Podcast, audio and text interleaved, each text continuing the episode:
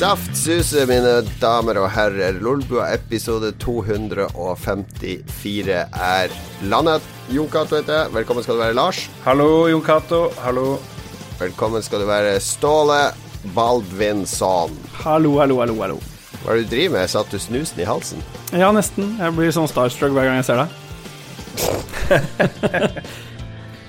Det er godt å vite. Vi er på episode 254 for de som eh, tror vi er veldig dårlige i matte fordi vi går rett fra 250 til 254. Og så hadde vi 253 før 250. Ja, vi er dårlige i matte. Vi er veldig dårlige til å beregne akkurat når vi skal spille inn jubileumsepisoder, så de, blir litt sånn, de kommer litt sånn når, når de har lyst. Det er litt som en ereksjon. Kommer når den har lyst. jeg sliter med å få den da òg, jeg. Vi kan ta sånn pille. Hvis vi tar pille, så får vi mer regulær sending Har du prøvd det? sending. Men- Eh, Vi skal ikke snakke mer om ereksjon. Det er greit. Eller Lars, du skal være innom litt uh, du, fikk, du fikk kanskje en semi her om dagen, for jeg ser i sendeskjemaet at du hadde en artig opplevelse nylig som du skal dele med oss. ja, jeg har dratt i dag til uh, Bodø, og gjett hvem jeg så på flyplassen som drev og nevla på min bagasje. Jo, uh, der sto Sofie Elise, Norges største blogger. Jeg drev og reiv opp mobilen, for jeg tenkte det her må jeg eh, liksom viderebringe.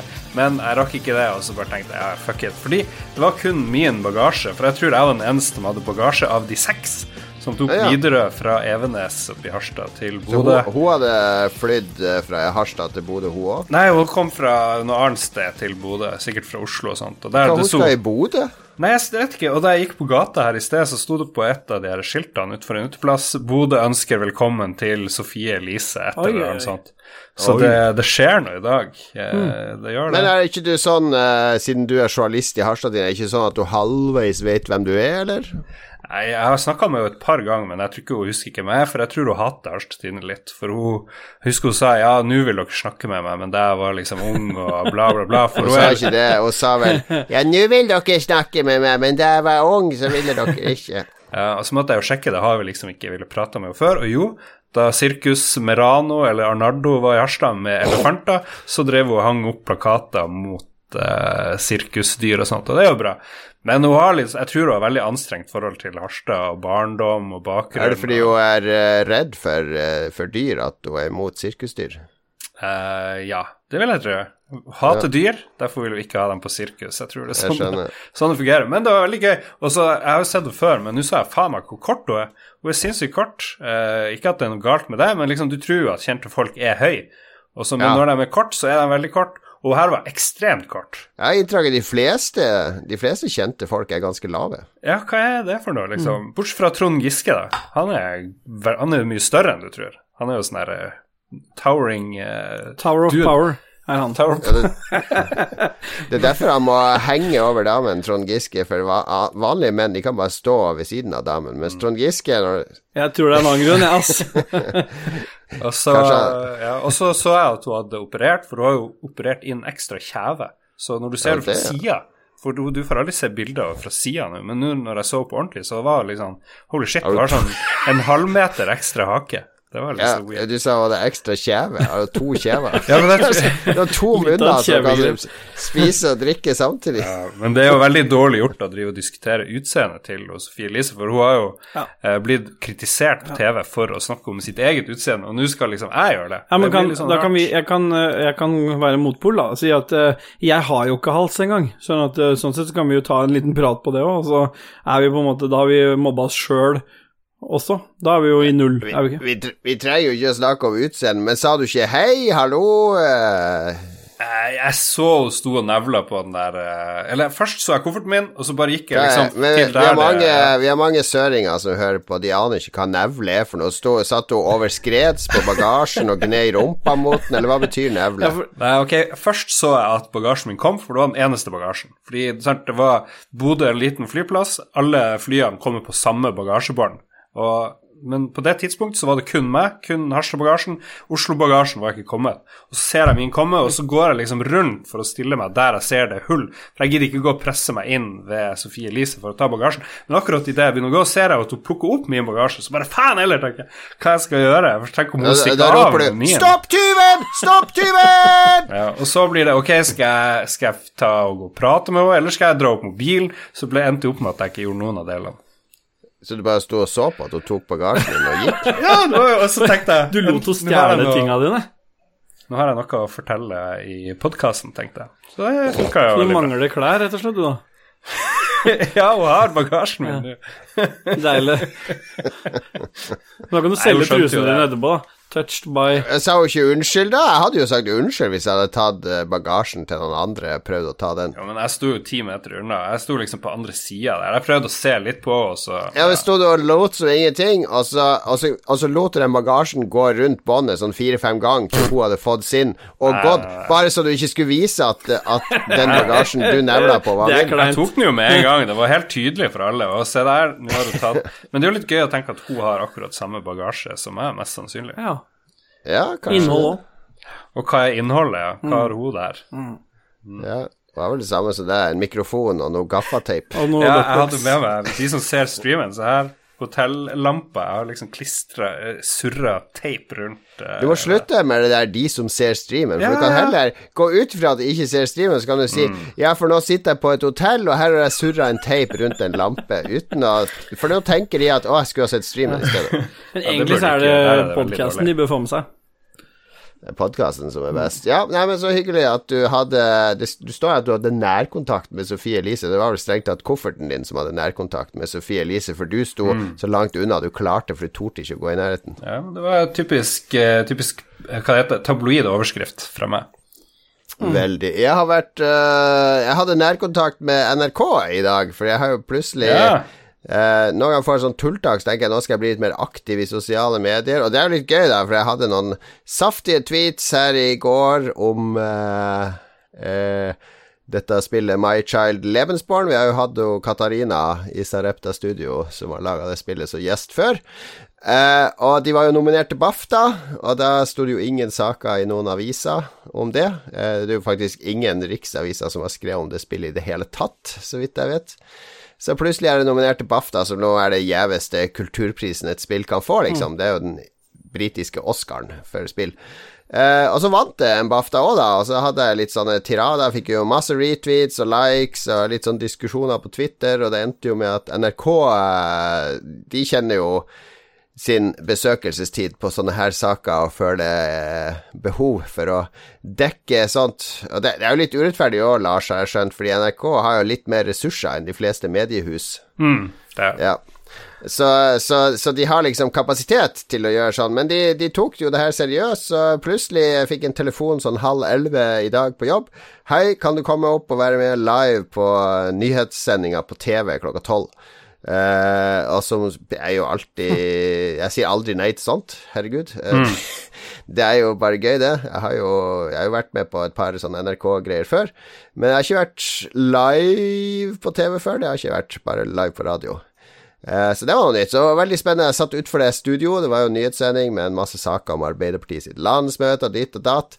Og så når det nærma seg min sak, så måtte jeg liste meg inn i det lille studioet. Det er sånn studio med sånn glassvegg bak. Du har sikkert sett det på TV. Og så er det sånn sånn redaksjon som jobber bak den glassveggen. Og folk Og de sitter faktisk og jobber. Jeg har alltid trodd at det var bare sånn fake. Det var bare sånn eh, det er jo ikke sånn, fake. Det er mye som er fake. Du vet vi er så skeptiske Alt er jo fake news disse dagene. Det fikk jeg bekrefta. Kan jeg si til alle dere flat earthers og antivakkere der ute, det er faktisk folk som jobber bak den skjermen, det er ikke skuespillere. Det er bare du som tror at det ikke er folk som jobber der. Nei, men jeg er litt enig. Jeg tror det på TV2 og så sitter det liksom noen i bakgrunnen og ordner og styrer. De, de, jeg tenker at det er statister.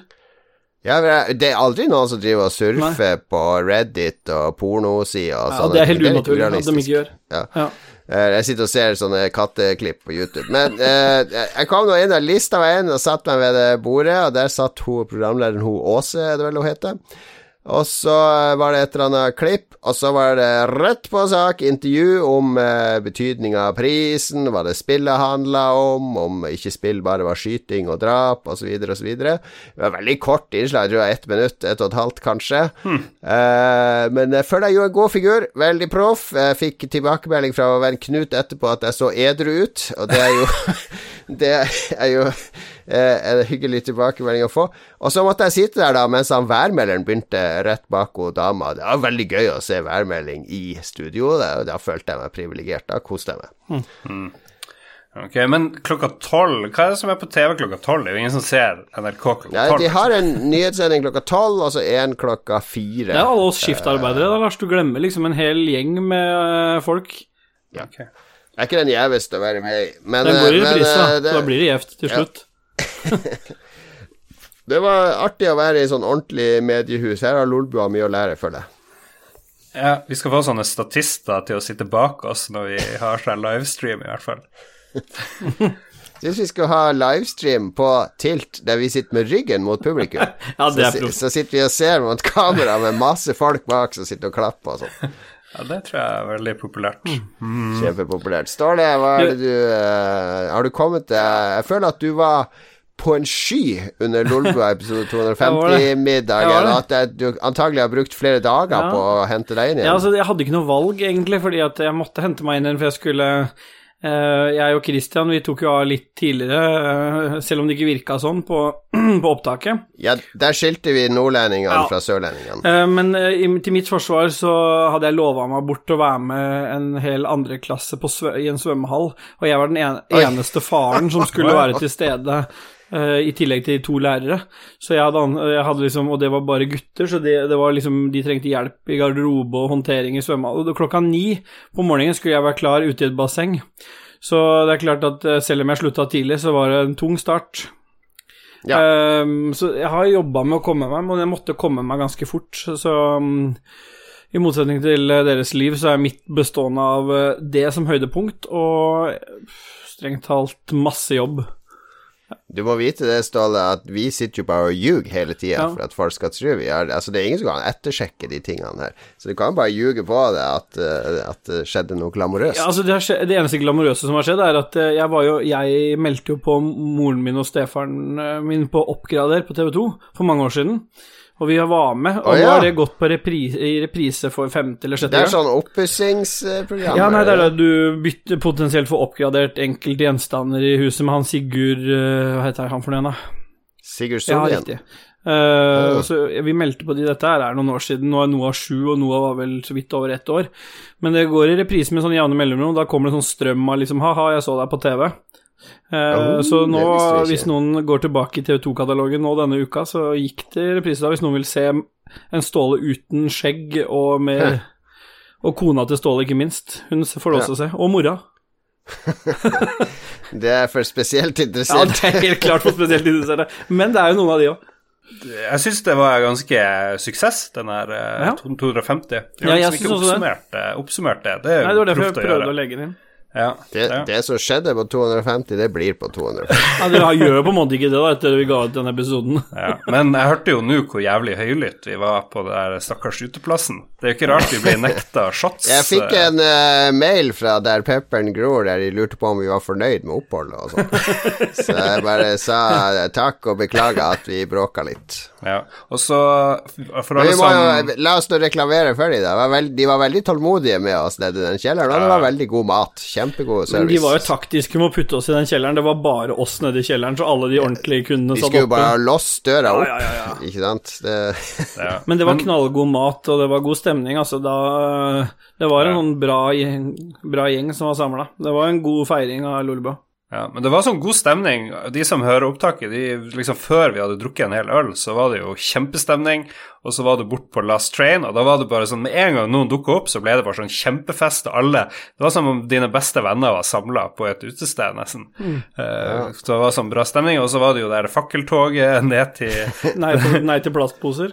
Nei til plastpose osv., og, så og så bare tok det helt av der. Så jeg føler at vi pika kjempe, kjempetidlig, og så bare fortsatte det eh, på tilt og Jeg har jo skjønt eh, på noen av de jeg prata med, at de var jo ganske nervøse før de kom. Ikke sant? For de fleste kom alene og kjente jo ingen der, bortsett fra at de kjenner til oss. Eller det føles jo som du kjenner folk som du har hørt på i hundrevis av timer.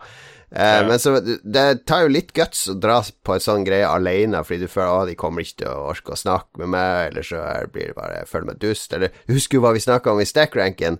Den gode følelsen av å avlyse noe i siste øyeblikk. Jeg trodde det skulle bli blir et frafall på fire-fem stykk, men all, vi var én ekstra, faktisk. Ja. Og hvis det er noen som følte at de savna noe de ble intervjua om, så er det fordi at eh, alt eh, Jeg tok med alt så lenge det var god nok lyd, for å si det sånn. Og det var Ja. veldig ofte det var skikkelig dårlig lyd fordi det var et liveband i bakgrunnen, sånn som på Last Train, plutselig. Og så, lydprøve. og så drev folk og bare hylte og ropte veldig høyt i mikrofonen, for dem, vi hadde ikke stilt den inn rett. Så det Du har vel også tatt en presseetisk vurdering på noe? Noen ting er kutta Han som fortalte om at, uh, hvor han hadde begravd kjæresten og sånn, det tok du ikke med. Jo, altså, ja. Nei, jeg skal ikke si Det var noen, noen vi måtte eh, beskytte mot seg sjøl, deriblant Christian, som eh, syntes han hørtes veldig full ut på slutten. Eh, Christian, hvis du følger med nå, du var mye mer full rett før det. Ok, ok. Vi skal over til hva vi har spilt siden sist etter denne låten.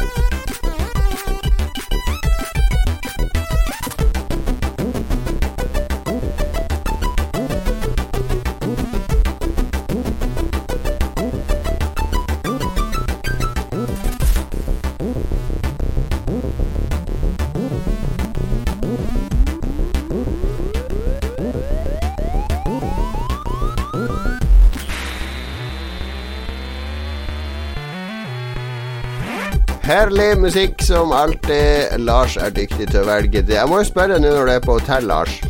Eh, har, det, har det vært onani ennå på hotellrommet? For det er jo det eneste man kan gjøre når man er ute og kjeder seg på hotell, er det ikke det? Nei, ingen onani, men det, du gir meg jo i det. Jeg kjenner jeg kommer i stemning med en gang, så vi må bare forte oss og bli ferdig. Det, det tenker jeg av og til på, på når jeg er på sånn hotell som er 10-20 år gammel. Hvor mange forskjellige menn har onanert på dette rommet? Ja, det er en mye damer som onanerer òg, tror du ikke det? Er det bare menn? Ja, ja, men det Jeg tenker ikke så mye på damer som onanerer. Jeg tenker bare på menn som onanerer. Men Ja, mennene legger jo liksom igjen sånne ting som du kan finne med sånn der eh, UV-lampe. Det er forskjellen. Uff, ja. Jeg tror jeg Ja, Ja, ok, la oss se vise hva vi har spilt siden sist. Ok. Eh, Lars, du er på uh, noe sånn her eh, råttent retrokjør og har spilt Ja. uh, cutesy-putesy Final Fantasy-spill. Ja, jeg har notatene mine. Jeg har tatt notater, men de er med på mobilen. Jeg har to sekunder, jeg må hente mobilen min. Veldig proft. Veldig proft. Kan klippes bort, for så vidt. Det her hadde ikke fungert på NRK, altså. Det Nei. sier jeg bare. Ja, jeg har spilt ehm, Final Fantasy 9 av en eller annen grunn. Jeg fikk sånn god vibs da jeg så reklame for den, at det var på Switch. Så da kjørte jeg på. Det jeg har gjort, det er å notere ned det som skjer eh, etter hvert. Eh, fordi det var så absurd. Og jeg tenker Var spill som det her før, eller er det liksom bare Final Fantasy 9 som er sånn her? For det her, det her kjøper jeg ikke. Jeg kjøper ikke plottet og det som foregår i Final Fantasy 9. kjøpt, du har jo kjøpt spillet, da. Jeg har kjøpt, jeg har kjøpt spillet, har du kjøpt. men jeg kjøper ikke handlinga. Det begynner med en eh, en sånn båt, en flygende båt, med en sånn eh, eh, gjeng tyver som kaller seg Tantalus. Og De har sånn vill plan om å kidnappe en sånn prinsesse. Og Jeg lurer på, nummer én, hvorfor gidder de, å gjøre det her? For de har verdens største luftskip. Det ser dritdyrt ut. Eh, og det er sånn større enn et slott, så jeg forstår ikke helt eh, hvor rike de egentlig er, og hva de egentlig holder på med. De kan jo drive luksuscruise for rike folk. Det er mange gode og sånne lovlydige måter å tjene penger på. Eh, så det er nummer én. Skurre litt. Eh, kanskje det blir klart etter hvert. Og hovedpersonen du først har kontroll over, han heter Sidane. Han heter, Jeg vet ikke om han heter Senadin eller Sidane, men når eh, ble han der fotballspilleren berømt? Var det før eller etter eh, Final Fantasy 9? Er han døpt opp etter spillet, eller et eller annet sånt? Det begynner jeg å lure på med en gang. Veldig sånn Sett meg ut av spillet, og så begynner jeg å tenke på fotball og franske fotballspillere som driver og headbutter andre folk. Uh, han der er Zidane, han er 16 år og har hestehale, og så får du vite at han er høyrehendt. Jeg lurer på hvorfor driver spillet og insisterer på å fortelle hvordan, om de er høyrehendte eller venstrehendte, de her folkene. Veldig merkelig. er dere med meg enn så lenge? Ja, ja, ja. ja. Det, var, okay, husker, det, husker det, er litt sånn der eh, Det føles som jeg, jeg sitter i sånn jury på sånn opptaksprøve til Standup Norge nå. Ja, ja. men det her, Og så venter vi på poenget. Jeg vet du hva, jeg kunne korta det ned til en Final Fantasy 9-standup. Ja, fortsett, fortsett. Jeg ja. koser meg. Uh, men planen finner vi ut av er at det her, eh, de her tyvene de skal sette opp en teaterforestilling, og de skal vise stykket I Want To Be Your Canary. Og da lurer jeg litt sånn på eh, Nå driver Cato og tar av seg headset og finner frem whisky, OK? Nice. Det er for å kose meg ekstra med historien. Kom igjen, da. Ja. Kom igjen, gi oss en god historie nå, Lars. Ja, okay. Det var planen til de tyvene. Ja. Du er en sånn uh, gjeng tyver, og dere skal sette opp teaterstykker. og det høres ut som en veldig dårlig idé. Uh, for å sette opp et teaterstykke så krever det veldig mye. Det krever, i hvert fall så stort som de her, det krever et stort orkester, for det er musikk. Det er enorme kulisser, og så er det masse pyro og masse, masse ekstra skuespillere. Så denne tyvegruppa har jo egentlig alt, alt de trenger for å ha to gode karrierer. Det ene er som sånn luksuscruise-greie med det skipet og det andre er at de setter opp sånn kjempeproffe teaterforestillinger for eh, dronninga, prinsessen og alt mulig. Men det de skal gjøre, de setter opp det teaterstykket for å kidnappe det prinsessa. Også, det kan jo være at det er noe bak her, at han ene er den fra Altså sønn som er bastardsønnen til dronninga, som ikke har fått anerkjennelse, at han skal hevne seg på, f.eks. ja, ja, ja, ok, det kan hende det kommer, men det her er det jeg mm. skriver mm. ned underveis, da. Og så hopper det over, du blir, en, du blir til et sånt spøkelse, eller du får kontroll over et spøkelse. Det var veldig kjedelig. Uh, opp, liksom det er flere handlinger samtidig. Så mens det er litt spennende teaterheist det foregår, så blir du plutselig han der ghost-duden, han der magikeren, og så skal du lære å spille et kortspill. Veldig kjedelig, veldig dårlig uh, game, sånn uh, gameplay uh, Hva det heter Design, vil jeg si. Og så endelig kommer du tilbake i, i det her teaterstykket. Men så er du får du se at noen fra teateret har liksom brutt seg inn i slottet. da av en eller annen grunn og slått ned masse vakter og skal liksom putte uh, sovemedisin i teen til ei prinsesse mens det her uh, teaterstykket foregår. Og så blir det bare sånn Benny Hill-greier. Det blir bare masse dårlig humor. De driver og springer rundt i det slottet med vakter etter seg, og så drar de inn i et skap og kommer ut av et annet. Og sånne ting. Med den Benny Hill-musikken? jeg savna den Benny Hill-musikken. det, er, det er egentlig Benny Hill-musikk. Jeger i sex. Ja, og så kommer du over sånne kvinnelige soldater som går i rustning slash badedrakt. Veldig sexistisk. Jeg vet ikke helt eh, hva opplegget er der. Mm, jeg har notert altfor mye av det, men det ender opp med at alle er nå på scenen. Eh, og så eh, prinsesser som skal kidnappe, og vakten og den skuespillertroppen ender opp scenen foran dronninga, og så finner alle ut at de kan liksom ikke avbryte teaterstykket, så alle improviserer og prøver å spille ferdig det her teaterstykket. Og det er litt morsomt. Det likte jeg. Og så sier hun prinsessa at hun har lyst til å bli kidnappa av de her folkene. Herregud. så det er ganske urealistisk handling. Og så langt har jeg kommet i spillet. Sånn. Stockholm-syndrom.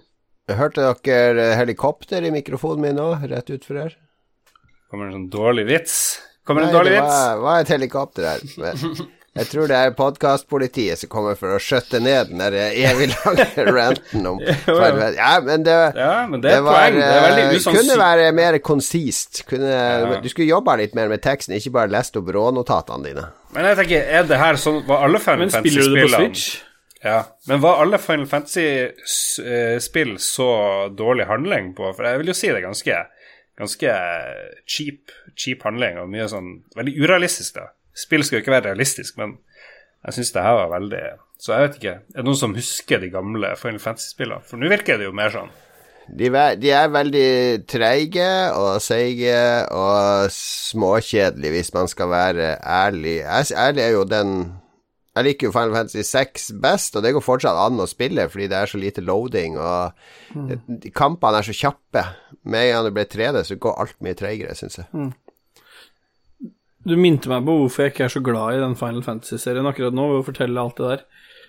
Hver gang jeg gir den serien et forsøk, så, så er det det der som er uh, årsaken til å ikke fortsette. Jeg sliter litt med spille. Er det et Final Fantasy-spill med det der musikk? Ja, ja. Du hører helikopteret her. Det er vitsepolitiet. De er nok på vei. Kan, min er veldig kort. Min er veldig kort fordi jeg eh, var inne på Epic Games Store oh, i går. Eh, og da så jeg at uh, The Witness er gratisspillet disse to ukene. Det er jo hver, Annenhver uke så er det et gratis spill på Epic Games Store. Uh, og da, da Jeg har det jo spilt det ganske mye på PlayStation. Jeg runda det aldri, jeg spilte veldig langt. Vi hadde jo en sånn uh, periode der alle vi og de Harstad-kompisene våre, Lars, satt og gnukka på The Witness, og vi mm. delte puzzles og kommuniserte. Så jeg, jeg lasta det på PC, for jeg bare spilte på PlayStation, og det var veldig deilig å kunne skru opp Field of View og sånne ting. Jeg skulle bare teste litt, for klokka var egentlig halv tolv. Eh, kona har gått og lagt seg. Jeg prøver å legge meg før tolv, for jeg vil alltid lese bitte litt i en bok før jeg sover. Og blir klokka ett, så er jeg veldig trøtt på jobb dagen etter. Men så ble jeg jo fakatten med sittende i halvannen time fram til klokka ett. Det var liksom ett skritt i den der magiske verden til Jonathan Blow, så det var bare ah, Her har jeg lyst til å bli. Kanskje jeg kan uh, ta sykedag i morgen på jobben. Kanskje jeg kan, kanskje jeg kan låse døra så kona ikke oppdager Det er ja, et eller annet med den vitnesverdenen. Den er jo så statisk og, uh, og Eh, den er sånn der eh, tidløs, på en måte. Altså, du føler at, eh, at, at du kan gjemme deg bort der. Det er en, mm. en, verden som er konstruert bare for å kile deg i, i hjernebarken. Ja. Har du spilt det du, Ståle? Ja, jeg har det. Jeg, jeg også spilte det en gans, ganske god stund, og så ble det for vanskelig for meg det kom til et punkt der jeg liksom følte at eh, nå Det er en av de få spillene jeg har lurt med kona på å være med på. Hun syntes også det var kjempeinteressant. De satt og løste puzzles sammen. Og så ble det ekteskapsproblemer når vi ikke klarte å løse det. Ja.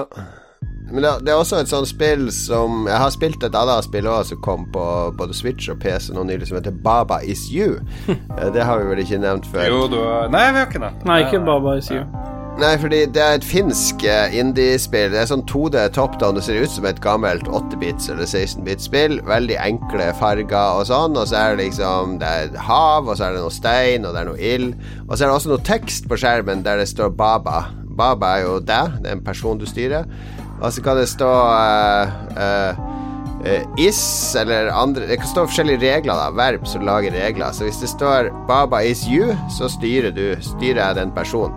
Hvis jeg dytter bort bokstavene Baba, alt jeg blokker, og erstatter de med Rock is you, så styrer jeg en stein i stedet. Eh, altså, alle brettene handler om å endre på spillereglene. Altså, det kan stå 'lava is death'. Altså, hvis du får bort Dytter vekk death, så kan du gå på lavaen, ikke sant. Så det er sånn herre blokk-puslespill, eh, sånn rutenett, der du skal dytte blokker hit og dit, men noen av blokka er spilleregler og substantiv som endrer eh, status for, for, brettet. Utrolig smart laga, men det er sånn spill der du kommer til et brett, og så dytt, eksperimenterer du litt, fordi det er sånn fem verb og ti substantiv, og bare åh, Jesus Christ, du kan manipulere alt rundt. Altså, sånn, det her er jo mulig. Mm. Altså går du og setter på dass, og så driter du litt. og så plutselig oppi hodet ditt så er det sånn Hei, vent! Hvis sånn og sånn, så kanskje sånn. Og så tørker du deg i rumpa så fort du kan, løpe inn, fortsatt med buksa rundt knærne, og så bare flytte på Flytte på en stein, flytte på litt ild, og yes! Jeg er verdens smarteste person. Det er et spill. Jeg så en som anmeldte det, som skrev at det er et spill som du spiller mest når du ikke spiller. altså, du spiller i ti minutter, blir frustrert, og så går du en halv dag og grubler på den greia. Altså, når du kommer hjem fra jobb, så er det sånn Da, da har du løst det, liksom. Bare setter deg ned og ha løsninga. Det er bare til PC, dette? Det er til Switch òg. Switch. Baba Is You heter det. Det. Hvis kona di ble frustrert over Witness, så blir det skilsmisse hvis du prøver å spille det her med Ja. Ove Ståle. Ja, men det høres ut som noe jeg må prøve for det. Ja, det er kjempeartig. Yoshi, har du spilt uh, Staule? Jeg går for det mindre in- intellektuelle, så jeg går for Yoshi. Men eh, det er koselig nok, det, altså. Det er kos. Ja, Yoshi er jo Nintendo på sitt beste. Jeg tror det er det åttende Yoshi Hvis jeg har gjort researchen min riktig, så er det det åttende sånn rendyrka Yoshi-spillet som er ute. Eh, Yoshi han er plassert i en sånn verden full av papp. Av ukjent årsak. Jeg tipper det er eh, la labo-trenden til Nintendo som har mm. kommet inn og gjort at verden er Fordi forrige gang Yoshi var i noe sånt nå, så var det vel uh, Woolly World, altså sånn ull... Garn. Ja, garn, ja. Ja. Det ligner litt på sånn der, eh, de der eh, papirverden til Sony òg. Hva det heter for noe? Det der Tearaway. Tearaway. Ja. Ja, men det er ganske kult. Det er litt sånn Det er enkle, enkle puzzles, og det er, hvis det kan kalles puzzles i det hele tatt. Jeg ser det får litt sånn blanda reviews på at det er litt, sånn bar, litt for barnevennlig, men jeg er jo sånn der Jeg er sånn som liker å få til alt, så jeg går liksom ikke videre før jeg har um, Ja, det er masse Ja, gjøre. Det, så- det skjønner jeg ikke, fordi du har en debatt gående nå med Å, Sekiro burde ha Mm. Ja, sånn easy altså, mode, ja. og så har du en annen sånn klage Å, Yoshi er altfor lett. Ja. Altså, what the fuck, spill nå bare det som er der. Altså, kos deg med Yoshi, det er jo bare kos. Ja, hvis du vil løpe gjennom guttungen, syns jeg er kjempegøy å bare hoppe til neste brett. Jeg går ikke videre før jeg har fått alle som er på brettet. Og det du samler i utgangspunktet, er jo for de som ikke har spilt det, så er det jo I Yoshi-spillene så er det sånne soler. Du Blomster er det. Er det blomster? Ja, det er det. For Ja. det sånn hvite Jeg ser for meg det er Ja. sol, jeg. det Men det er sånne blomster med godt smil på, og så er det mm, Alt omdreier seg i de, så du samler Hvert brett så kan du samle 20 røde mynter, det gir en eh, blomst, og så er det mm, 100 penger er en blomst, og så er det liksom og dreier seg rundt det, da. Og så kan du i tillegg spille hvert brett bakvendt, sånn at du flipper pappen rundt, og så kan du gå baklengs, og da er det masse ting av brettet som åpner seg, da. Så alle brettene har jo to versjoner. Det er supersjarmerende. Ja. Jeg føler det er bedre enn Woolies World og sånn. Det er Ja. mye mer ideer i det spillet her. Det står litt på egne bein. Men jeg la merke til en kul ting, det har jeg ikke lest, så jeg har ikke liksom Jeg bare stussa på det nå etter å ha sittet og spilt det noen timer.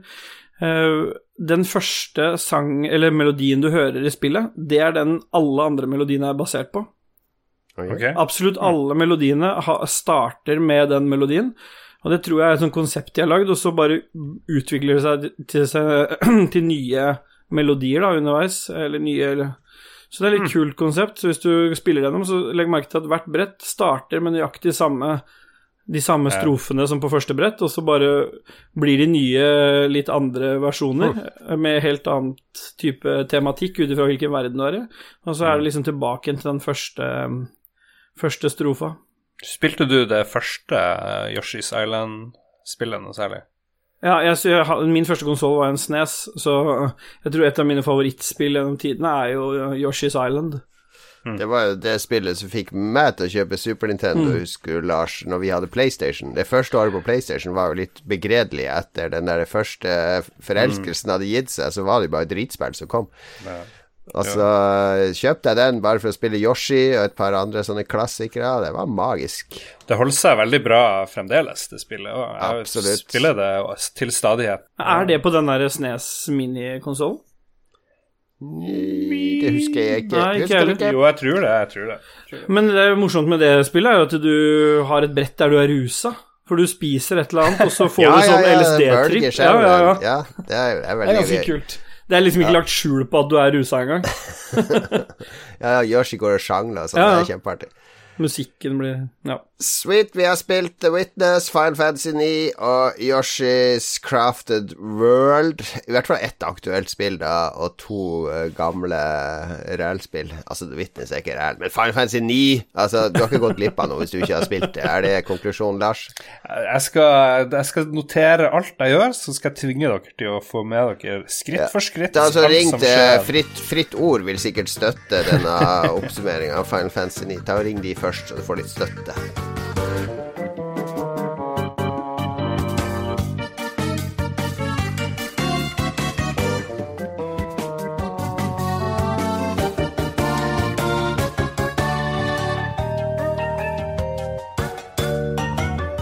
Det er på tide med nyheter, men først er spørsmålet har det, er, det, er det fortsatt status på onani på hotellrommet at det ikke har skjedd, Lars?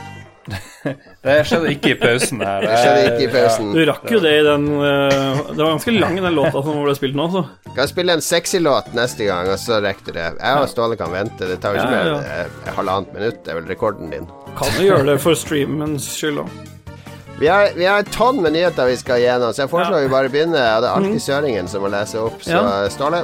Ja, jeg har samla et litt sånn uh, utvalg, så får vi velge hva vi diskuterer rundt. Men eh, i forbindelse med at uh, det ble avduka nye sånne Labo, Nintendo Labo-sett, så annonserte også Nintendo den derre um, Labo VR, som er sånn pappsett du bygger til, din, til den Switchen. Og nå har det kommet fram at Breath of the Wild og Super Mario Odyssey får egne VR-moduser til den uh, Labo VR-settet. Ja, ja. Jeg er jo, jeg er jo fremdeles ikke veldig gira på VR, selv nå når eh, hva det er, Valve driver og skal komme med sin egen VR-greie. Kanskje det er gøy for unger, liksom. Teste oh! Jeg tror, de, jeg tror de kan lage noen morsomme ting med de greiene der, men eh, problemet med Switch-skjermen er at den er vel 720P. Altså Skal du splitte 720P på to øyer, da kommer det til å bli ganske Det blir ikke noe Vive-opplevelse, akkurat. Men jeg, jeg synes, tviler ikke på at Nintendo klarer å lage et eller annet artig med det. Men det ryktes vel om to nye um, Switcher i år også, en uh, rimeligere og en pro-utgave, så får vi se åssen det blir, da. Vi får se. Mm. Next. Eh, apropos VR, så kommer Val Valve med sitt eget Valve, faktisk. Det er litt sånn som Kurt Russell. Men uh, Valve kommer med sitt eget VR-headset, uh, kalt Index. Jeg tror hatt- først de skulle begynne med regnskapsprogram. ja. Det er vel ikke så veldig spennende det heller, det lå, har Men det jeg hørt korta. jeg har gjort, Jo, det er litt spennende det, faktisk. Ja. For jeg har gjort litt research på Index. For det er en helt sånn ny type linse. Eh, som lanseres kommer nå i mars, som folk som har sett på patentene til Index og litt sånn, har konkludert med at den linsa kommer til å brukes der. Og det er litt sånn stor var Hva er det, konkav? Det er når det er eh, har ikke buler den rikt, riktige veien, i hvert fall. Det buler bort fra øyet ditt. Så at det er en sånn stor linse som skal gjøre sånn at når du har på deg headsetet, så kan du liksom kikke deg rundt opp og ned og til siden Ja. Og ha fullt bilde overalt. Eh, fordi sånn som VR er nå, sant, så er det jo en slags eh, ganske stor TV-skjerm som er en centimeter foran øyet ditt, som du ser på. Så det er liksom svart over og under og på siden av den, hvis du ser deg rundt med øynene. Eh, så at eh, i teorien så kan det bli en helt annen type innlevelse. Det skal være ganske høy oppløsning på den òg. så jeg er faktisk litt spent på den mm. Valve eh, VR-headsetet. Problemet blir vel at alle spillene som kommer til den, blir Epic Game Store-eksklusive.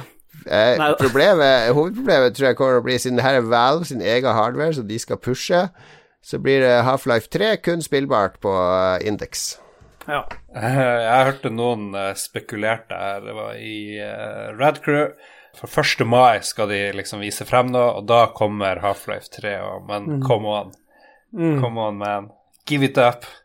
Apropos Radcrew, jeg, jeg så en episode av Weep i dag. Har dere sett den serien med hun uh, Julia Louis Dreyfus som Ja. ja. president og visepresident i USA? Jeg har ligget syk et par dager hjemme denne uka, og så litt Weep. var en av Ja, det, det er de veldig frekke i kjeften og sånn, sånn som vi i Lolbua drømmer om å være. Men det, han ene jobber jo i sånn TV-kanal, og så er det en sånn eh, fyr fra Hawaii der som kom bort han hadde laget sitt eget slips, og så What do you think I call it uh, Yoloha? it's uh, it's uh, a combination of YOLO and Aloha. Altså han duden bare Yeah, I think it looks really rad. That's an abbreviation for retarded and sad. Så jeg, synes, jeg måtte sende den til vår venn Jostein, og han lo høyt i chatten, men jeg vet han kanskje gråt litt inni seg. Mm, ja. Klovnen gråter innvendig. Sykehusklovnen, gjør det. Ok, neste nyhet. Det er uh, litt om den artikkelen fra Kotaku angående Anthem. Der har jeg Ja. noen uh, Der er det jo kommet fram noen uh, Det har jo vært diskutert den siste uka om den, det som kom fram rundt eh, God intro på nyheten. ja, men de, veldig, de fleste som hører på denne podkasten har fått med seg Kotaku sin Anthem-artikkel. Hvis ikke, så har de sett masse YouTube-filmer om det. Mye av det som har kommet fram i den artikkelen, er jo blant annet at de ikke nødvendigvis bare er EA sin skyld at det blei som det blei. Det er jo litt sånn BioWare har vel sittet med spillet i fire til fem år i sånn preproduksjon uten å liksom gjøre noe, mens EA har hatt forventninger til at de har jobba. I, I tillegg så kom det jo fram noe rundt denne Frostbite Engine, at de har blitt pålagt å bruke den, fordi alle spillene til EA skal visstnok bruke denne enginen, uten at det nødvendigvis var det rette valget for Anthem. Ja, og så var det sånn at halve selskapet har vært på sånn her eh, mental Ja. sykeliv. De har liksom lidd pga. dårlig, dårlig Mm. praksis på arbeidsplassen, så blir de sjuke, rett og slett.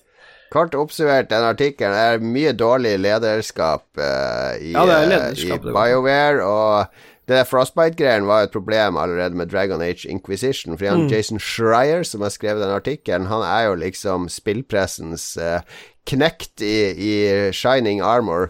Altså, han har innpass hos nesten alle spillstudioer fordi han har veldig Veldig respekt i Mm. spillbransjen, fordi alle vet at han behandler ting de sier konfidensielt, og, og, og gjør etterrettelig og ordentlig arbeid. Så han skrev en bok som heter Blood, Sweat and Pixels, som jeg tror vi har nevnt før, yeah. der han kommer bakom de, altså utviklinga av Destiny, Dragon Age Inquisition, eh, mange sånne spill. Uh, og det du egentlig lærer Jeg anbefaler alle å lese den boka, for det du egentlig lærer der, er at ingen spillutviklere egentlig vet hva de holder på med. Altså, vi driver alle og famler rundt i mørket og prøver å lage noe som er kult. Eh, den illusjonen om at du setter deg ned og designer fra start en kul opplevelse, den kan, den kan du bare glemme hvis du er vanlig pleb-spiller. Ja, men personlig da, så er jo jeg i kjent stil, eh, ref Sea of Thieves eksempel, så har jo jeg, eh, etter å ha både lest artikkelen og sett litt YouTube-gjennomganger av den artikkelen, så endte jeg opp med å kjøpe Anthem.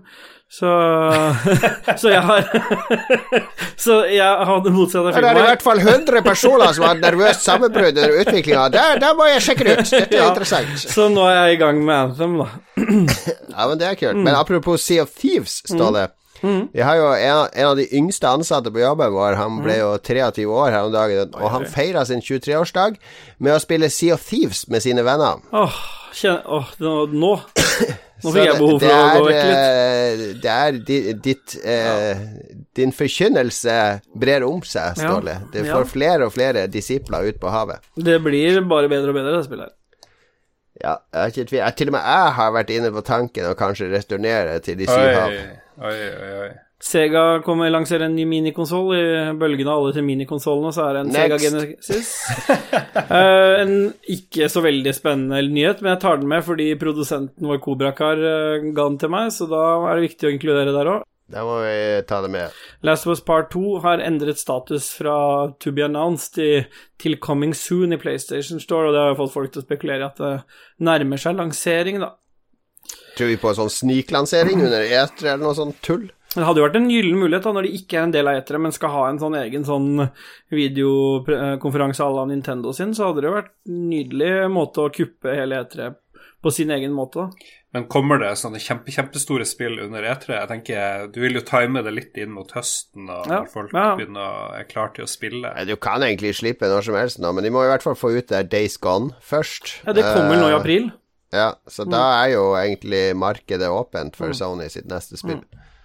Borderlands 3 er annonsert. Er det noe spennende å si om det? Jeg tror vi har noen lytterspørsmål om det, så vi kan snakke om det da. Men den siste er den mest interessante. Den har jeg tenkt mye på. Du har tenkt mye på at prins William, eller Henry, litt avhengig eh, Harry. Harry. Eh, ja. Hva sa jeg for noe? William og Harry. Sa jeg Henry? Ja, da mente jeg Harry, Ja. men eh, litt sånn bedugget. En av dem vil forby Fortnite, i hvert fall. Fortell, fortell. Ja, det har vært den store spillnyheten i all presse, spillpresse og mainstream-presse. Selvfølgelig, når en kongelig sier noe dumt, så kaster man seg over det. Og prins William er bekymra for barns helse og sosiale medier, og mener at Fortnite er usunt, og at barn bør Det bør forbys, er jo da eh, Det er overskriftene, i hvert fall. Han har spilt for lite, da. Det tyder jo på at han har ikke spilt noe som helst, tenker jeg. Ja, jeg lurer på hva slags hva slags vekt skal vi legge bak rådene til noe sånn innavl fra, fra Altså, de er jo, kommer jo fra sånne innavlfamilier, disse kongelige, i hvert fall i England. Her er det jo mye grums oppover i, i eh, slektstreet. Så for det første kan vi jo ta, ta det til etterretning, og for det andre, hvis det skulle være med tanke på skjebnen til mora, kanskje han heller skulle gå inn for å forby Need for Speed eller noe sånne ting. Det er jo eh, kanskje, Var det too soon, eller? Jeg, du, jeg trodde du sa skjeden til mora. Skjebnen til mora. Ah, ja. Ja. Jo, men Det var mitt, det ja. var mitt Standup Norge-bidrag. Ja. Mm, Hvilket spill burde kongefamilien i England spille? Jeg tenker Final Fantasy 9. Eh, soleklar eh, alt- alternativ der, egentlig. Um, og selvfølgelig hele, alle barna til Diana bør selvfølgelig spille Need for Speed osv. Spesielt baner, alle baner i Paris, rundt Ja. Louvre og Var det i Paris hun krasja, hun eh, mora? Det var i Paris hun han der Dodi, eller Dodi, Ja, var Al-Fayed. ikke det han elskeren, han Dodi. Ja, ja. Det de burde spille, er jo strengt tatt det derre Rains. Uh, har dere spilt det? Det er vel på Steam og mobil. Det er et sånn- Tinder-spill. Nei, ja, det er sånn kortspill der du skal sveipe til høyre og venstre, der du er konge eller dronning i et kongerike, og så får du masse sånne dilemmaer. Veldig velskrevet, og, og du skal liksom prøve å, å drive kongeriket ditt best mulig. Det er et utrolig kult spill. De bør jo spille en sånn Battle royal, i hvert fall. Har vi noen sjanse til å få Märtha Louise som gjest? Hun stiller jo opp hva som helst, så lenge de Snakker om engler. lokker med noe litt engler, litt uh, Men de ungene, ungene til Märtha og til han Håkon, de begynner vel å bli gamle nok til å være gjest. Eh, han lille Marius, han er jo klar. Lille-Marius er vel ikke Men, men du Ja, er er jo blitt halvt mormoner nå, så du bør jo kunne lokke inn til i hvert fall noe engledebatt der. Ja. Ja? Ja. Jo. Jeg fikk lapp på døra fra Jehovas vitner her om dagen. En av Jehovas barn sto det signert. Skal du ha med Du, det, det jeg har glemt å si, det skulle jeg egentlig ta i siden sist, men vi hadde besøk eh, på jobben, og vi får besøk av sånne folkehøyskoler og høyskoler av og til. De kommer innom ikke sant, for å se hvordan man jobber som spillutvikler, og Q&A osv. Og, og det her var eh, en bibelskole som holder til på Sinsen i Oslo, som har en eh, Det er en folkehøyskole som også er en bibelskole, og som har en eh, gaminglinje, da. Så de var innom han. En av de elevene hadde Lolbua-T-skjorte. Uh. Så vi har en eller annen, og han lærer nå, han var fast Lolbua-lytter. Så vi har en eller annen appell i det religiøse kristne miljøet. What? Men- ja, det er jo genialt. Men apropos det, Lars, for det var jo mormonere du hadde på døra, var det ikke? Jeg har hatt mormoner av Ja, nå men, men, ja, men der sa jeg og tenkte på en ting.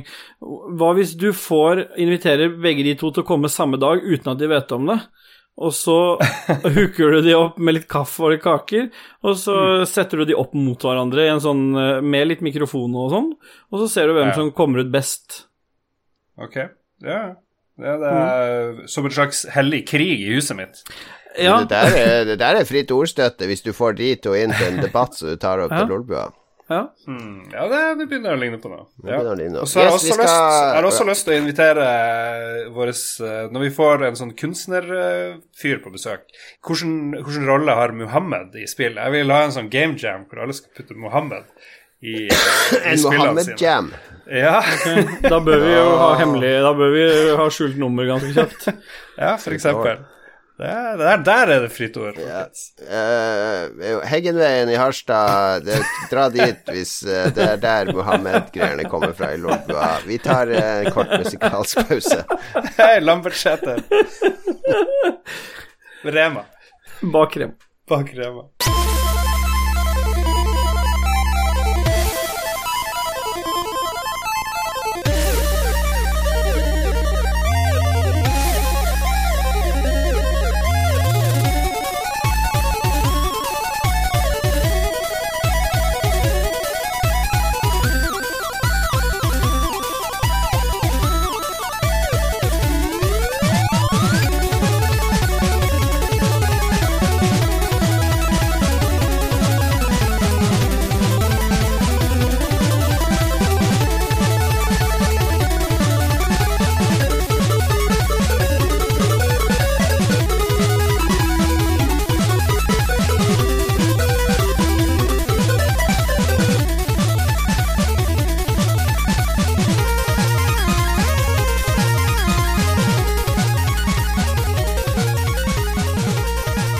Anbefaling. Det skal anbefales i Lolbuen som vanlig. Vi liker å spre glede, vi liker å spre godt humør. Vi er sjelden negative i Lolbuen. Jeg føler ikke at vi er så negative, egentlig. Vi har godt humør ofte. Vi tuller og tøyser med mye. Vi er glad i verden. Vi er glad i folk. Vi er glad i miljøet, osv., osv. Eh, altså, denne spalten her så gir vi deg anbefalinger så du kan ta med deg inn i livet ditt og berike deg sjøl. Um, Lars, du har ikke skrevet noe? Trenger du tenkepause? Nei, det går bra. Jeg skal anbefale Jeg føler jeg på en sånn skikkelig dårlig anbefalingsstreak, men Ja, det har vært mye rart i det siste. Jeg har noe bra. jeg begynner dårlig, du får ta bra. Jeg, Ja. jeg anbefaler restauranten Oma, OHMA, i, eh, i Bodø. Jeg måtte jo ha noe å spise da jeg kom her. Eh, ante ikke noe som helst. Tok kontakt med vår venn, flygeleder Kosti Eriksen. Skulle egentlig møte meg, jeg vet ikke helt hvor han ble av, men eh, det får så være. Han tok i hvert fall og anbefalte noen eh, spiseplasser, og da var den ene rett ved hotellet, og det er Oma. Det er fusion mellom japansk og kinesisk. Og Oma er jo tysk for bestemor, visste du det? Ja, Oma og Der har du der har du fusion der. Ja, og det staves OHMA. Jeg vet ikke om det, det er på Ja, det er tysk for en elektrisk bestemor, med, med litt motstand i. Ja. Og det var veldig fancy. Um, jeg ble litt sånn eh, sjokkert over hvor fin restaurant det var. For med en gang du kom ned, så var det bare en fyr som kom springende bort. Snakker selvfølgelig engelsk med sånn fancy dialekt. Da føles det litt sånn kult med en gang. Hva, er- fancy dialekt? Det er ikke russisk dialekt. Ja, det er sånn dialekt du ikke vet hvor er fra. Hva faen er det her? Du blir sittende og tenke liksom Hva faen er det her for noe? Jeg er ikke polsk. Yes, sir, jeg vil to bring ut Nei, det er fransk. Ja, det er fransk. Nei, det var Kan sånn få høre den? Imiter den, da. Kan du Ja. komme veldig fort, da? Mate kommer nå. Femte 50 minutter klar fot. Åssen hørtes det ut da, Lars? Nei, jeg husker ikke. Jeg, Where do you want to sit, sir? Where, where, can I show you the menu? Today's special is very good uh, fish. Det det var litt sånn uh, Litt lys stemme. Hello! Hello! Det var ikke noe dialekt at stemmen er lys. Ja, jeg måtte jo begynne. Jeg må jo begynne et sted. Jeg skal jo Hello? lage en karakter. Okay. Hello. Hello, sir! Do you want something to drink? Det er mulig, mulig han er fra Transylvania. Mulig du har huskefeil. Det, jeg har ikke noe Fy faen.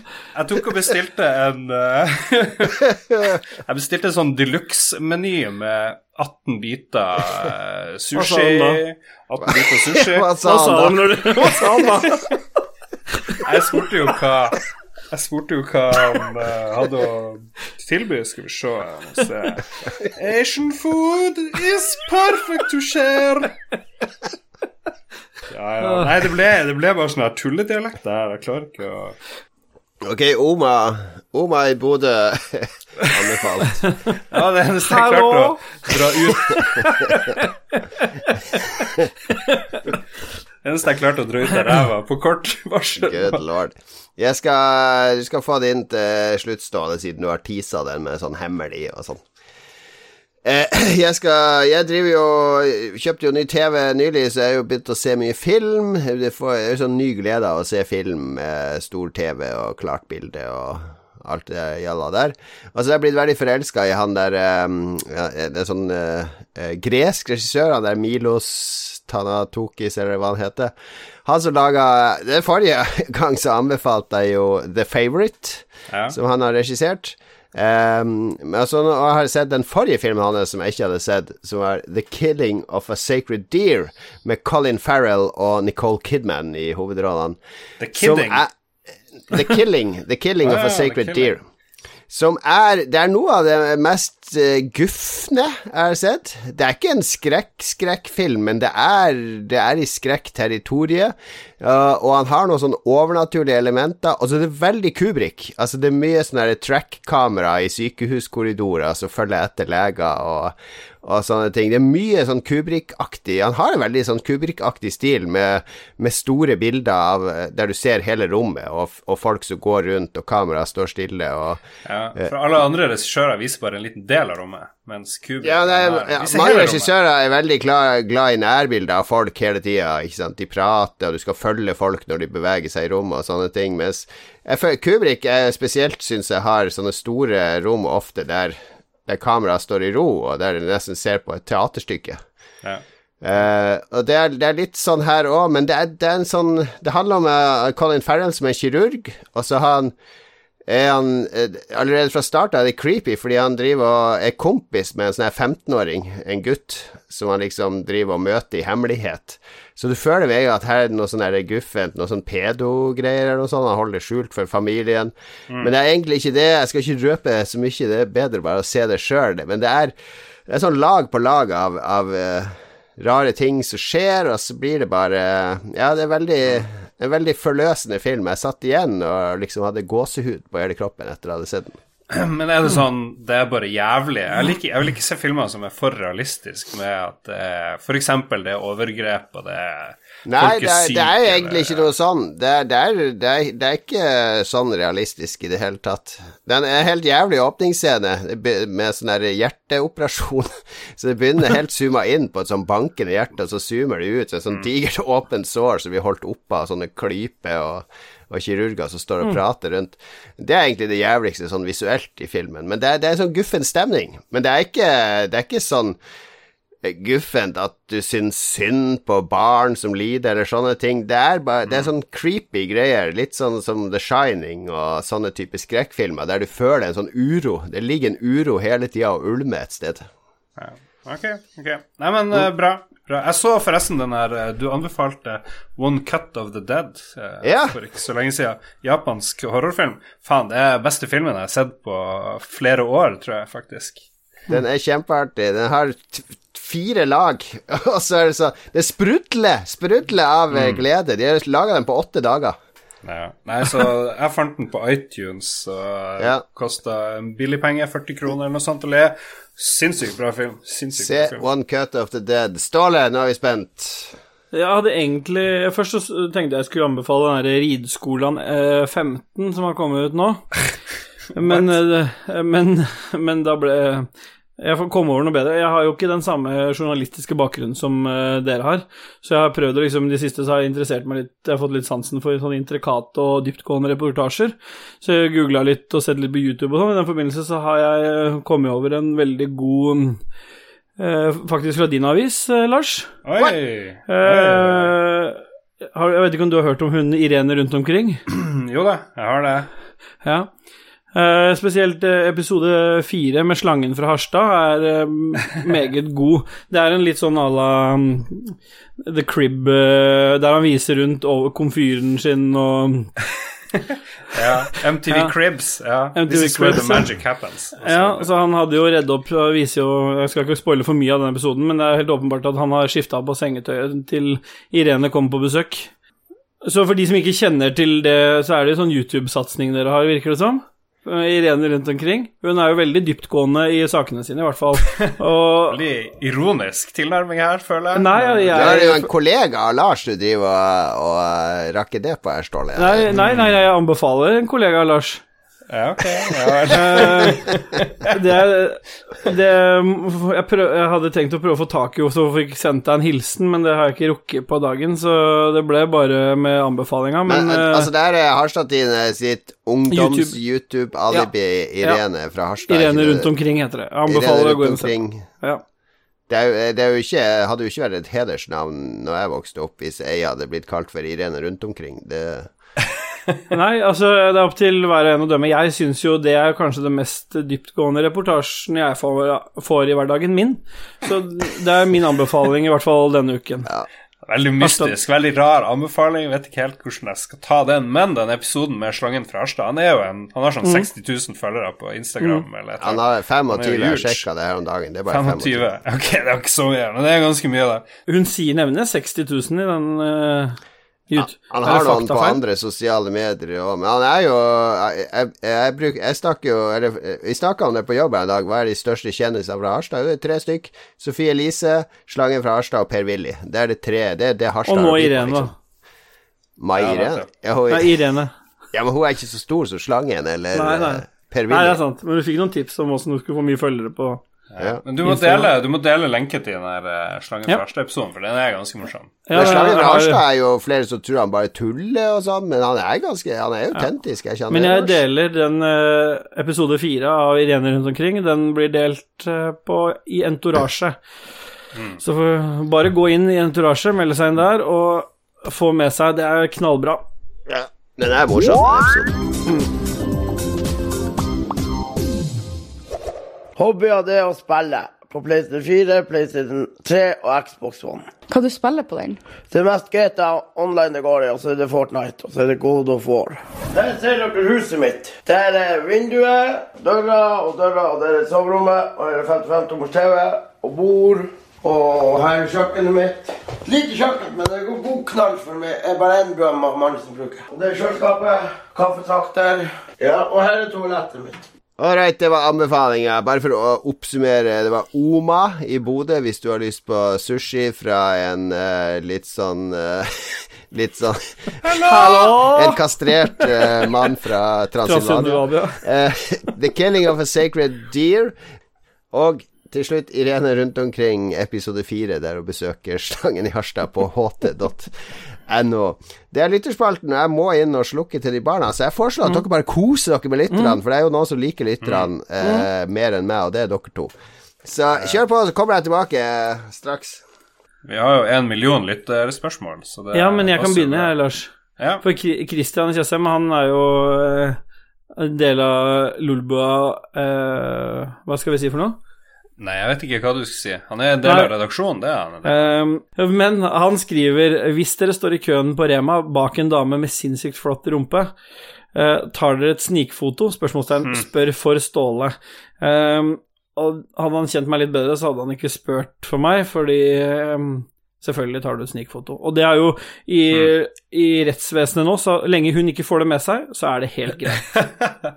jeg tror det er lov å ta bilde av hva du vil i det offentlige rom, men hvis du står bak en mann med sinnssykt bra rumpe, det Ja, det er like fair, det. Jeg støtter begge deler. Og det har hendt at jeg har gjort òg. Hvis det er en skikkelig tight, og så har jeg tatt med hjem og så spurt liksom frua hva syns du om denne, skala 1 til 10, ikke sant? Det er viktig å få med begge kjønn, jeg må ikke forskjellsbehandle. Hva gjør du? Jeg holdt jo på å dra opp kamera for å ta bilde av Sofie Elise, men da hadde det liksom vært sånn Jeg sto ikke rett bak henne da. Men eh, jeg har aldri tatt bilde av rett bak ei dame med sinnssykt flott rumpe. Det er kanskje et dårlig tegn fra meg, men det, det begrenser jo mot creepy, da. Gjør det ikke det? Ja, Litt. jo. Jo, skal jo ikke ta bilde av folk bare fordi de ser rare eller pene ut. Det Nei, hvis de rart. har en si- sinnssyk Altså Uh, sinnssykt flott bakende, da. At den er, eh, er innafor de kriteriene du syns er perfekt. Jo, Klart men du du finner jo, du finner jo tilsvarende med et enkelt Google-søk, så jeg skjønner Ja. ikke hva, hvorfor ditt bilde, det bildet du tar, skal være mer verdt enn et bilde på internett. Nei, det er det ikke heller. Nei. Men apropos å snikfotografere, jeg var jo en gang i Danmark, er det åtte år siden eller noe sånt. Jeg og vår venn Tore, som også er med på hytteturen, som Lars kjenner. Eh, og da vi, hadde vi én kveld, vi var jo med familiene våre og barn og sammen, vi hadde liksom én kveld der vi kunne ha guttas kveld. altså gå ut og drikke oss fulle. Uh, som vi gjorde til de grader. Vi fant til og med en pub der det var lov å røyke inne, som Tore satte stor pris på. Altså, altså, og der var det så mye det var, Alt var egentlig stengt i den byen. Det var bare den puben som var åpen, så der satt jo alle de lokale drankerne. Og det var en merkelig forsamling. Så merkelig at jeg tenkte at her må jeg ta noen sånne snikbilder med Tore sin mobil. Eh, Spesielt av hun der dama som satt attmed Tore, for hun så jo ikke ut i måneskinn. Så jeg så, og skulle jeg lirke opp eh, Tore har lagt igjen mobilen, så jeg åpna den, lirka den opp, så får jeg sånn lot som jeg leste melding, skulle ta bilde av henne, og så trykka jeg på bildeknappen, og så på blits. da følte jeg at hun bare Hva i helvete lever du? Skal jeg feil? Feil? Åh, det var det var- ja. Den danske versjonen av servitøren til Lars. Åh, Jeg ja, det, Jeg tenkte hun sa 'hallo'. det var flaut. Det var flaut. Ja. Nei, men jeg skal ikke dømme folk som tar bilder. Det er jo lov å ta bilder av folk uansett hvor du vil, egentlig, så lenge de Men hvis du blir tatt bilde, Lars, hvis, noen, hvis du merker at noen snikfotograferer øh, og fotograferer deg, ville du tenkt her øh, Ville du tatt det som et kompliment, eller ville du tenkt at, de, eh, at, det var, at det var motsatt? At de var ute etter å håne deg? Eh, ja, det er et godt spørsmål. Nei, jeg vet ikke. Det, ja. Ikke snikfotografer folk. Slutt å høre på de folkene. Er det, var det siste lytter? Er vi ferdig? Yes, det var episode Er det noen igjen? Hva er neste? Altså, Christian poster samtidig mens vi prater nå, at han har tatt et snikfotografi, så um, ja, ja, vi skjønner jo det. Det er ikke noe, Du går ikke i fengsel for det. Ta bilde av det du vil, men du må jo stå inne for det. Hvis du snur seg rundt, eller han snur seg rundt, så må du, du må være klar til å, til å konfrontere. Magnus Eide Sandstad lurer på om vi bør snakke om Borderlands-serien. Har vi lyst på nummer tre der? nei. ja, eh, ikke så veldig, men jeg ser at veldig mange av de jeg kjenner, de snakker om Borderlands 3 og er kjempeklar. Så det, det, jeg tror det er et publikum, stort publikum som er klart til å spille treeren. Det tror jeg. Jeg spilte litt toeren, syntes det var sånn passe gøy. Det var jo mye morsomme småhistorier. Ja da. Du syns, skrevet. toer, du syns toeren er morsommere? Takk. Takk, Ståle. I 250 episoder, så vi hadde den vitsen kanskje 250 ganger. Ja. Ja ja, men den blir aldri dårlig. Men vi er kanskje ingen, ingen av oss er kanskje ikke de store Borderlands-fans. Jeg Nei, ikke sånn megafan egentlig, men uh, jeg vet ikke. Og så er det jo på Epic Game Store, så da må man jo uh, ut og gå i fakkeltog. Ja, nettopp. Ja. Um, han Magnus drev òg Det kom veldig få lytterbidrag, men så maste jeg på folk igjen. La ut bilde av nak sånn nesten nakne damer, og da bare rausa det på. Så det er et godt tips til alle som vil ha svar. Magnus mm. kom òg med tips. Eh, Han uh, foreslår å skjære opp potetlomper i trekanter og legge dem i stekeovnen på 220 grader til de blir brune. De er digg med salsadipp og rømme. Okay, Potetlompe, er det sånn du har til pølse? pølse Ja, det tror jeg. Ja, og, hvorfor, og hvorfor må Ja, du legge det, dem i trekanter? Det skjønner Nei, jeg ikke. altså det er, eh, det er Potetlomper er litt tjukkere. Det er litt viktig. Altså, Du kan litt, prøve Lars, har du prøvd å dyppe Dyppe en hel sånn der lompe i en, Hvis du tar og stivner en sånn rund lompe, og så prøver du å dyppe den i dippen, da må du ha en den gigantisk skå bolle med dipp. Ja, men du kan jo skjære den i Du kan jo han, han skjærer den i trekanter for å lage sånne salsaflak. Istedenfor salsachips Ja. så lager han potetlompechips. Ja, han lager dyppevennlige por porsjoner av det, skjønner du vel. Ja, jeg skjønner, men liksom må det være trekanter? Det kan ikke være Nei, du kan lage i lange firkant. Ja, nettopp. Ja. Potetgull. Du lager jo ikke potetgull i trekanter, og du kan dyppe det.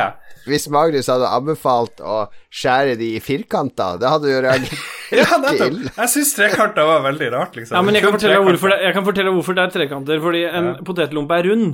Så hvordan skjærer du en pizza som er rund? Du skjærer normalt sett uh, La, la oss skjære kryss, Du den i sånn krysser den over, og da får du trekanter igjen. Det er liksom bare derfor det er trekanter, altså. Men uh, for all del. Jeg står det sitt resonnement er riktig, men la skjære faktisk Grandiosaen i firkanter, for da føles det mer som en Peppers pizza. For de kommer De skjæres sånn der uh, Ja, eh, 90 grader på hverandre. Ja, det er et godt poeng. Jeg liker de bedre firkanter. Jeg gjør det. For det er mer sånn hjemme, Når du lager pizza hjemme, så lager du ikke en rund pizza hjemme. Du lager Men har du noen gang prøvd å skjære Grandiosa i firkantige stykker? Hele tida. Hele tida. Aldri trekanter. Ukesoppdrag til neste år skjære pizzaen i firkantige stykker. En Grandis i firkantige stykker. Skjærer dem opp, så kommer jeg ut til folk og sier 'hallo, skal det være?' Ole Magnor, du må jo faen meg bli ferdig her. Ole Magnor lurer på hvorfor jeg har tatt av på Twitter den siste uka. Det sa du litt om. Ja, det er ikke noe forklaring. Det kommer over, Ånden kommer over meg, og så går den like fort. Så bare nyt det så lenge det varer. Ja, og Magnus lurer på, skulle ikke du slutte med både Twitter og Facebook? Hvordan gikk det? Jo, jeg slutta med Twitter i halvannet år, og så renser jeg Twitter-feeden. Det vil si, jeg fjerna eh, all negativitet, all hysteri om alt mulig, all, alle folk som bare retweeter ting som er uh, depressivt. Uh, og da ble Twitter veldig nyttig. Nå får jeg masse spillanbefalinger der, Anbefalt anbefalte artikler og bøker og sånne ting, så nå koser jeg meg på Twitter. Ja vel. Ja, vel. Hva er neste? Torbjørn Preus uh, Skau, Skau. Eh, jeg snoker japansk rap for tida. Hva er beste artist fra Japan?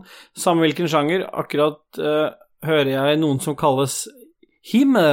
Ganske fett. Ellers er jeg jo i SIG, eh, Metalucifer, Sabbat fete og, met, uh, og fete metal-band. Sabbat Ja. og fete metal-band. Ja. Ja, han anbefaler da det er hime, som er japansk. Jeg likte jo Pizzicato 5. Er veldig gøy. Er det rap? Nei, det er ikke rett, det er japansk. Jeg må, jeg må Han sier hva er ellers, hva er beste artist fra Japan. Så ja, Pizzicat 5 er mitt tips derfra, egentlig. Og så har vi jo den der eh, eneste japanske filmmusikkfyren jeg vet om, det er han der eh, Han som lagde til Sonatine og alle de her eh, Ghibli-filmene òg, tror jeg han lagde musikk til. Joe Hisashi. Ja, det er han vel bare. Pizzicat 5 og Joe Hisashi. Det er eh, Jeg hører ikke mye på eh, japansk musikk, men eh, jo, jeg har jo det, et metal-band jeg anbefalte for noen episoder siden. Som jeg ikke husker navnet på nå, men jeg har det på Spotify. Men av rap så er det jo det er en japansk rappgruppe som heter Special Force, tror jeg de heter. Som har en låt som heter Air Force One, eller noe sånt, som er dritbra. De er, de er tight. Og så bruker de så mye engelske ord når de rapper. Så sånn "Nongoro, harugodo, haroro, Love kisses. ja, det er veldig teit. Det går jo igjen i alle de japanske bandene. Plutselig er det sånn dumme japan-engelske ord. Det høres utrolig flaut ut, syns jeg, egentlig. Eh, og så kan jeg fortelle at den siste sesongen av uh, Terrace House, apropos Japan, er ferdig. De, det ble 50 episoder, 60 episoder, det ble jævlig mange episoder. Det er så magisk. Det, og så blir det bedre og bedre, og så slutter det med sånn stor, uh, stor skandale. La meg gjette, det er noen som glemte å trekke opp på do, eller noe sånt. Ja, det er jo skandaler på lavt nivå, selvfølgelig. Det er, sånn her, det, er, det er jo ingenting i forhold til Paradise Hotel og sånn. Men det er visstnok De nevner det i serien at uh, Time kåra det til Eller mente at det var femte mest sette TV-serien i verden, eller et eller annet sånt. Så Yes, er alltid tegn på kvaliteten, nesten like stor som Baywatch. uh, Vegard Medenia, burde det finnes regler mot å høre på U2? Ja. Nei. Og jeg syns det er så Folk som Jeg må ikke høre på YouTube, må ikke høre på Nickelback. Fuck off, la folk høre på hva de vil. Du driver, du driver og rakker ned på andre band bare for at du sjøl skal føle deg bra, og du skal liksom presse noen andre. Du mener du har så god smak, og de der har så dårlig smak. Det er bare sånn utrolig barnslig, hele greia. Vi Fuck skal ha det. en eh, Vegard Medenia som gjest en gang, da skal vi bare spille i hele episoden blir bare chip-versjoner av U2 som, ja. som blir uh, ramma. Nicolas Herseth, apropos snikfoto, har dere noen gang sendt melding eller bilde til feil person som førte til prikk, prikk, prikk en ubehagelig situasjon? Del deres Mm. kjipe øyeblikk med lytterne. Det har vel skjedd med alle? Ja, ja, ja. Send det til mora. Mora Har du sendt dickpic til mora til noen? Nei, men jeg sendte du, noe har du sendt, har du sendt dickpic noen gang? Jeg har sendt dickpic. Det Har du det? Ja, ja. Det var ikke Det, det er bare fordi du er så gammel. Måtte du Det- bruke lupe?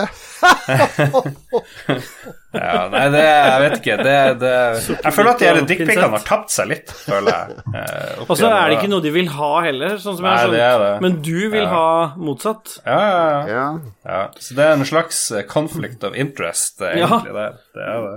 Du har lyst men, til å eh, sende det Men du sendte dickpic eh, riktig, da, er det du sier.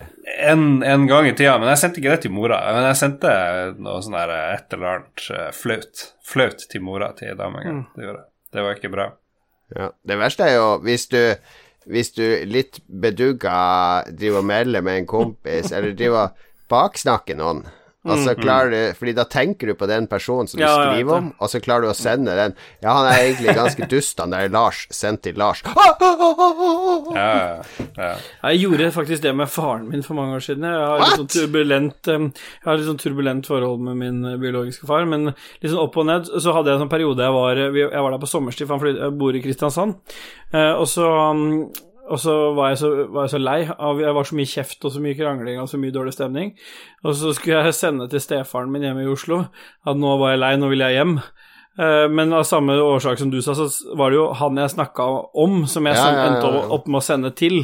Og da var jeg ute og gikk, for jeg var litt sånn lei av kranglinga, og så sendte jeg den der om hvor frustrert jeg var over min far, da, som ikke så meg mer enn et par ganger i året.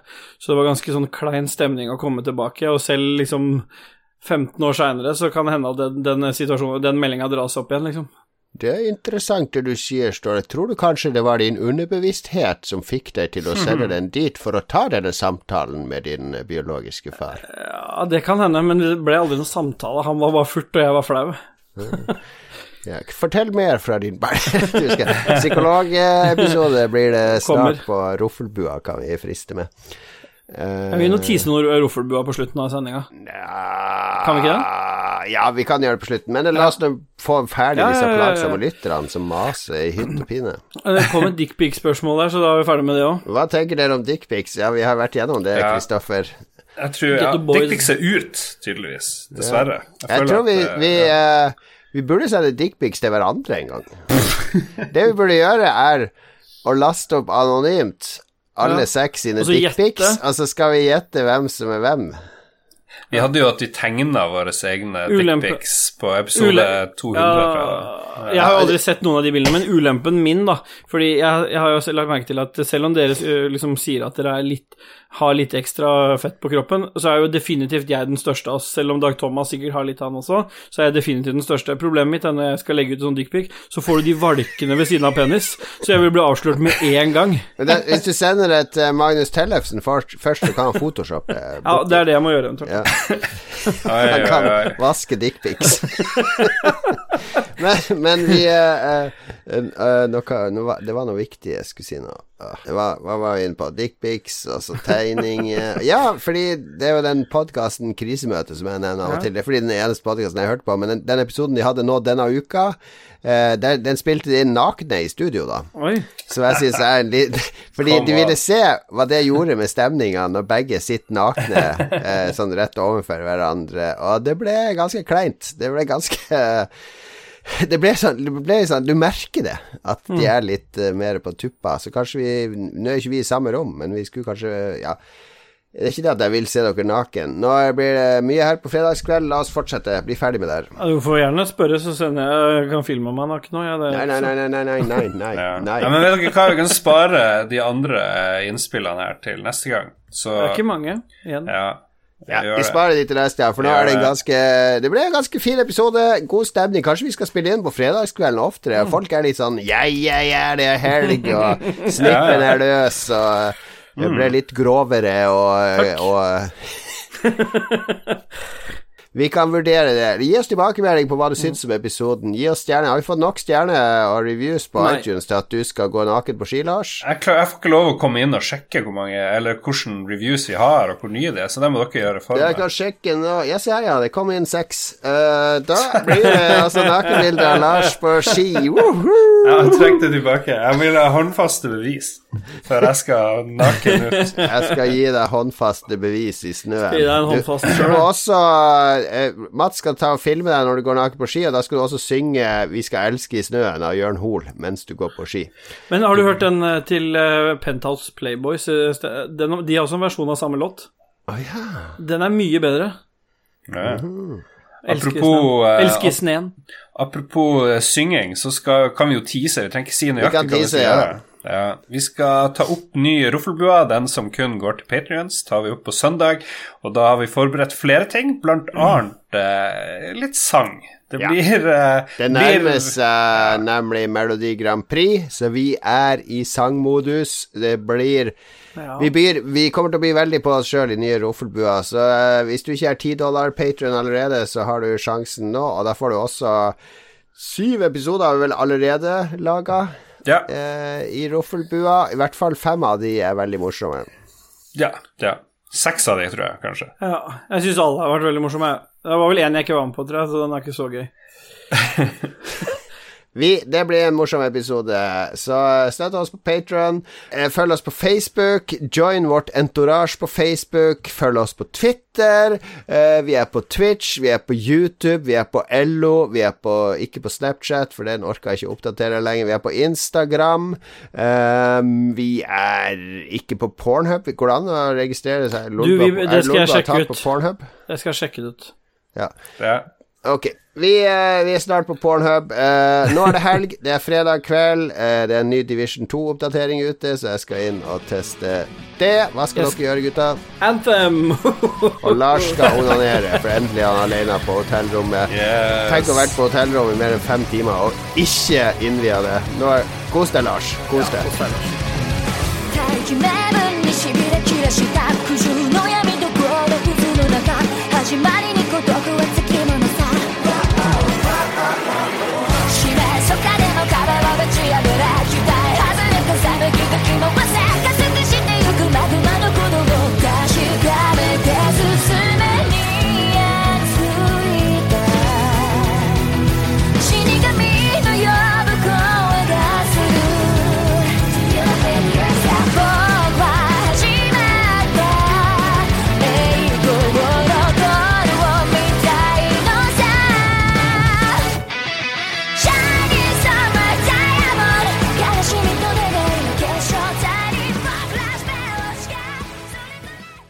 Har du et enkeltpersonforetak eller en liten bedrift? Da er du sikkert lei av å høre meg snakke om hvor enkelt det er med kvitteringer og bilag i fiken, så vi eh, gir oss her, vi.